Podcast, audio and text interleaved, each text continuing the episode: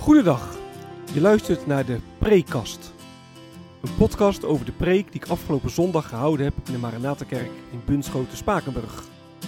Fijn dat je luistert. Mijn naam is Gertjan van Harten. Wat kun je verwachten van deze podcast?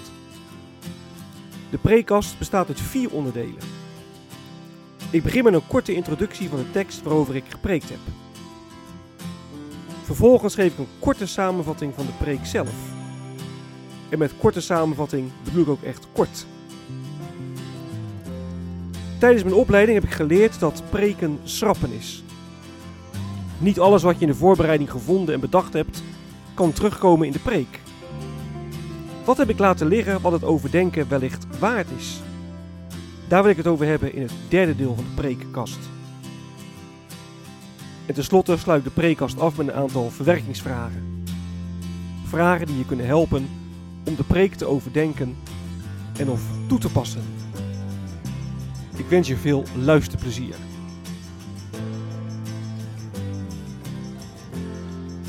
De tekst.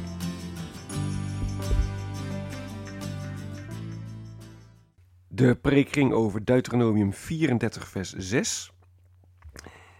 En in Deuteronomium 34 staat het uh, volk Israël op het punt om het beloofde land in te nemen.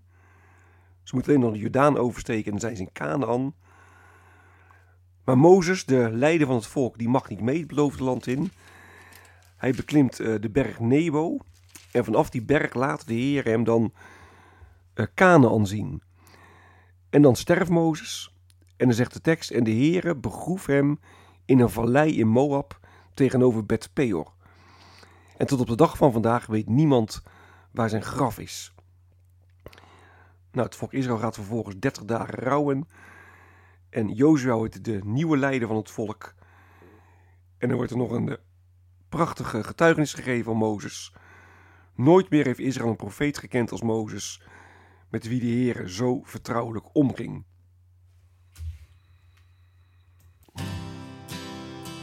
De preek.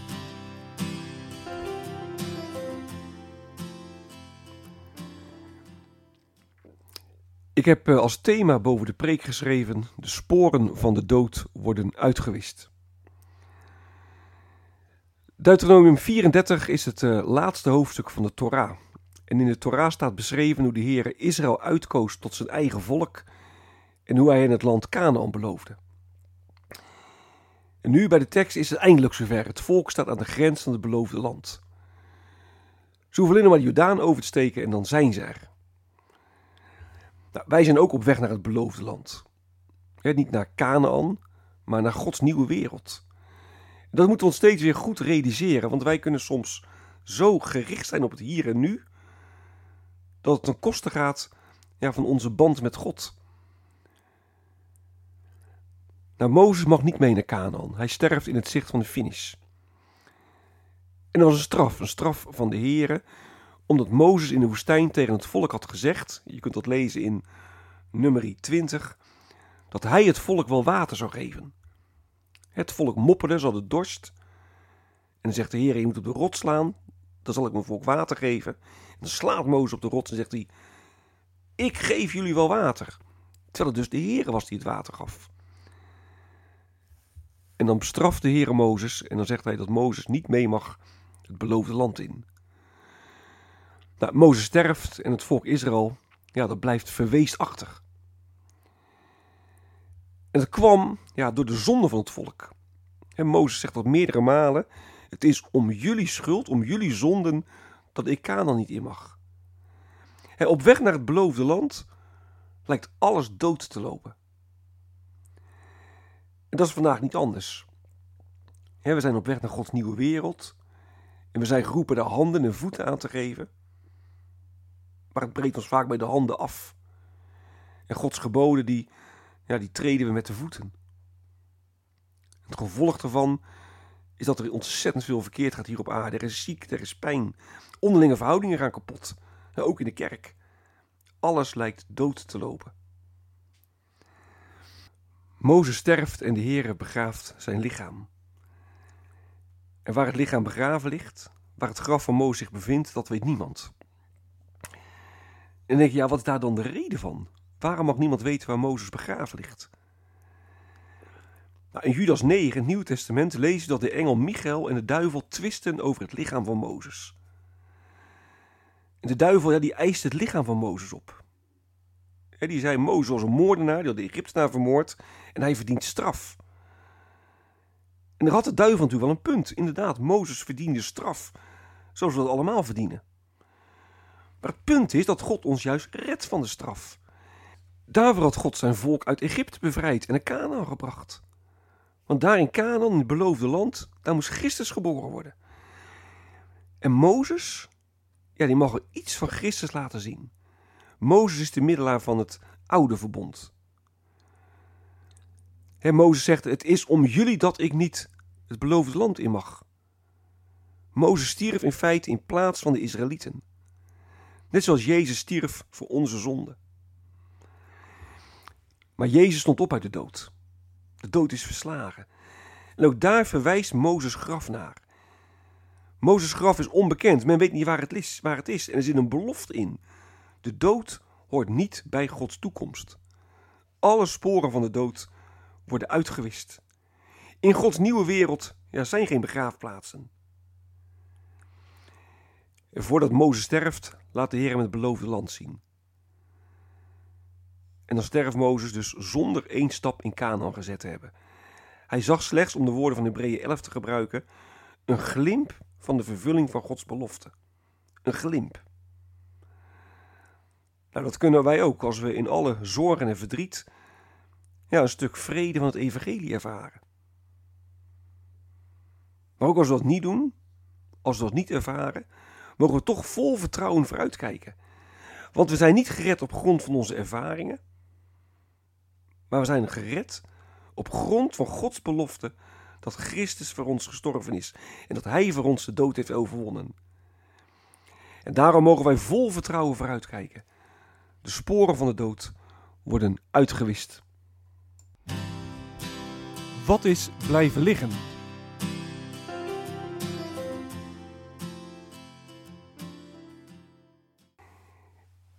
In eh, de versen 1 tot en met 3 wordt beschreven hoe Mozes vanaf de top van de Nebo het hele land Canaan ziet.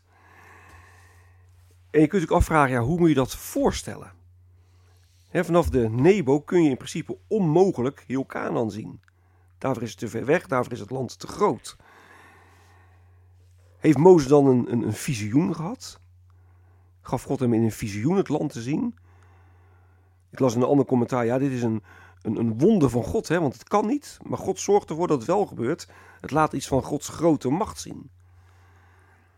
Nou, nu wil ik zeker niet te, te klein denken van Gods macht. Maar ik denk zelf eerder dat je aan het zogenaamde pas pro toto principe moet denken. En pas pro toto, dat betekent een, een deel van het geheel. En Mozes zag een, een deel van het land Canaan. En dat gedeelte dat, dat stond voor meer, het stond symbool voor het hele land. Nou, hoe dan ook, ik heb daar in de preek verder geen aandacht aan besteed, omdat ik het ook niet heel relevant vond. Maar het leek me wel goed om het hier in de preekkast uh, te noemen. Het volgende punt, wat ook ja, voor de prediking niet zo heel erg belangrijk is, maar misschien wel ja, interessant of, of leuk is om, om te weten. Of leuk is misschien niet helemaal het goede woord, maar Mozes stierf, maar hoe stierf Mozes nou? De Joodse historicus Flavius Josephus, die nou, zo rond 37 na Christus geboren, dus vlak na de dood van Christus, die stierf in 100 na Christus. En uh, Flavius Josephus heeft de geschiedenis van het Joodse volk uh, beschreven. En die uh, beschrijft dat Eleazar en Jozua met Mozes de berg Nebo opgegaan zijn. En dat toen een wolk kwam een wolk waardoor ze Mozes niet meer zagen. Een wolk ontrok Mozes aan hun gezicht. Het doet wat dat betreft ook een beetje denken aan de hemelvaart van Jezus. En toen verdween Mozes in een rotskloof. En daarna hebben Eleazar en Jozua ja, Mozes nooit meer gezien. En Mozes zou dan ergens in ja, de kloof begraven zijn. Nou, het zou kunnen. Uh, Deuteronomium 34 beschrijft het niet. We lezen in vers 5, en zo, zo stierf Mozes, de dienaar van de Heer, daar in Moab, zoals de Heer gezegd had. Zoals de Heer gezegd had, er staat letterlijk overeenkomstig de mond van de Heer. En het is ook wel aardig om nog door te geven dat er ook een Joodse overlevering is die zegt, ja, door de mond van de Heer. Dat betekent hij heeft een, een kus van God gekregen. God heeft ons het ware een kus gegeven en toen, toen stierf hij. Nou, het is een, op zich een mooi beeld natuurlijk. Je een kus van God krijgt. Maar Deuteronomium 34 geeft in ieder geval geen redenen om dat uh, zo aan te nemen. Mozes die, uh, die mag niet mee het beloofde land in. Vanwege zijn zonde in de woestijn van Sin. En dan zou je zeggen, ja, maar als Mozes niet mee mag het beloofde land in, ja, wie dan wel? Hè, Deuteronomium 34 geeft zelf ook een prachtige getuigenis van uh, Mozes. Hè. Nooit meer heeft Israël een profeet gekend als Mozes, met wie de Heer zo vertrouwelijk omging. Vers 10. Nou, als God zo vertrouwelijk met je omgaat, en jij mag vanwege je zonde het land al niet in, wie, ja, wie dan wel? Voor wie is dan wel toekomst? Om ons door te trekken.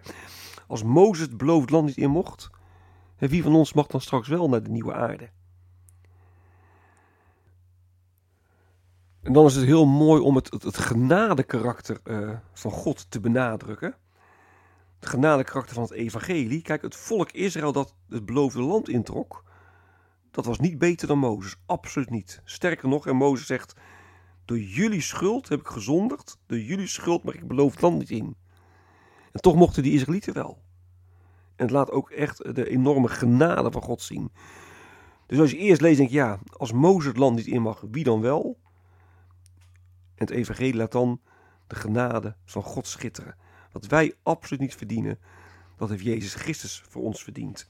En daar mogen wij uh, in delen. Nou, het laatste puntje wat ik wil noemen is uh, vers 5. Daar wordt Mozes de dienaar van de Here genoemd. De knecht des Heren, kun je het ook vertalen. En dat is een aanduiding, dienaar van de Heer, knecht van de Heer, waar heel veel over te zeggen valt.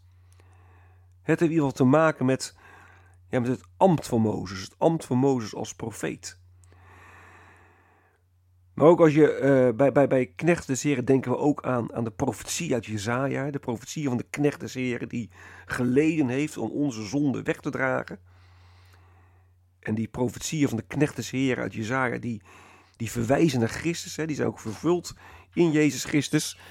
En zo is Mozes een, een, een type van Christus. Nou, ik heb er in de preek wel kort iets over gezegd. Mozes als, als middelaar van het oude verbond. Maar ook dat kan natuurlijk veel meer nog uitgewerkt worden. Verwerkingsvragen.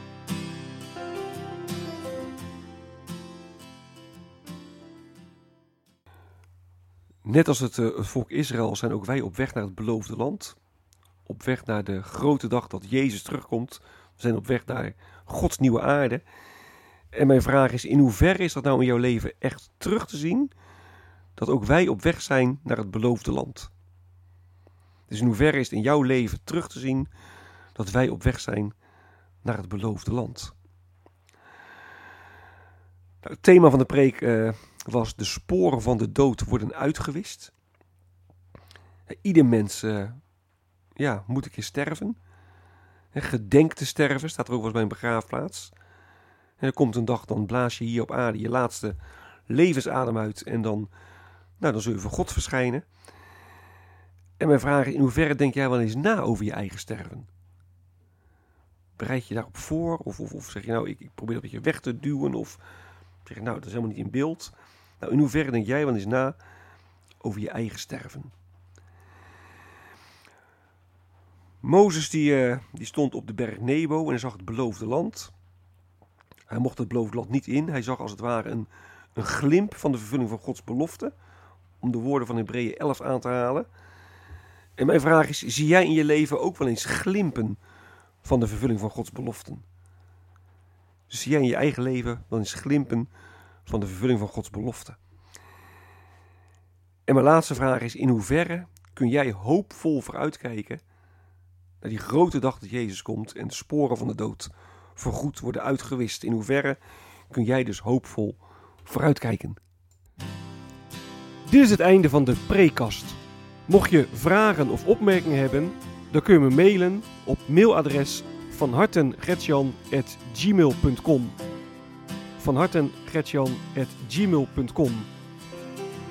Ik wens je nog een hele prettige dag. Hartelijk dank voor het luisteren. En wie weet tot een volgende keer.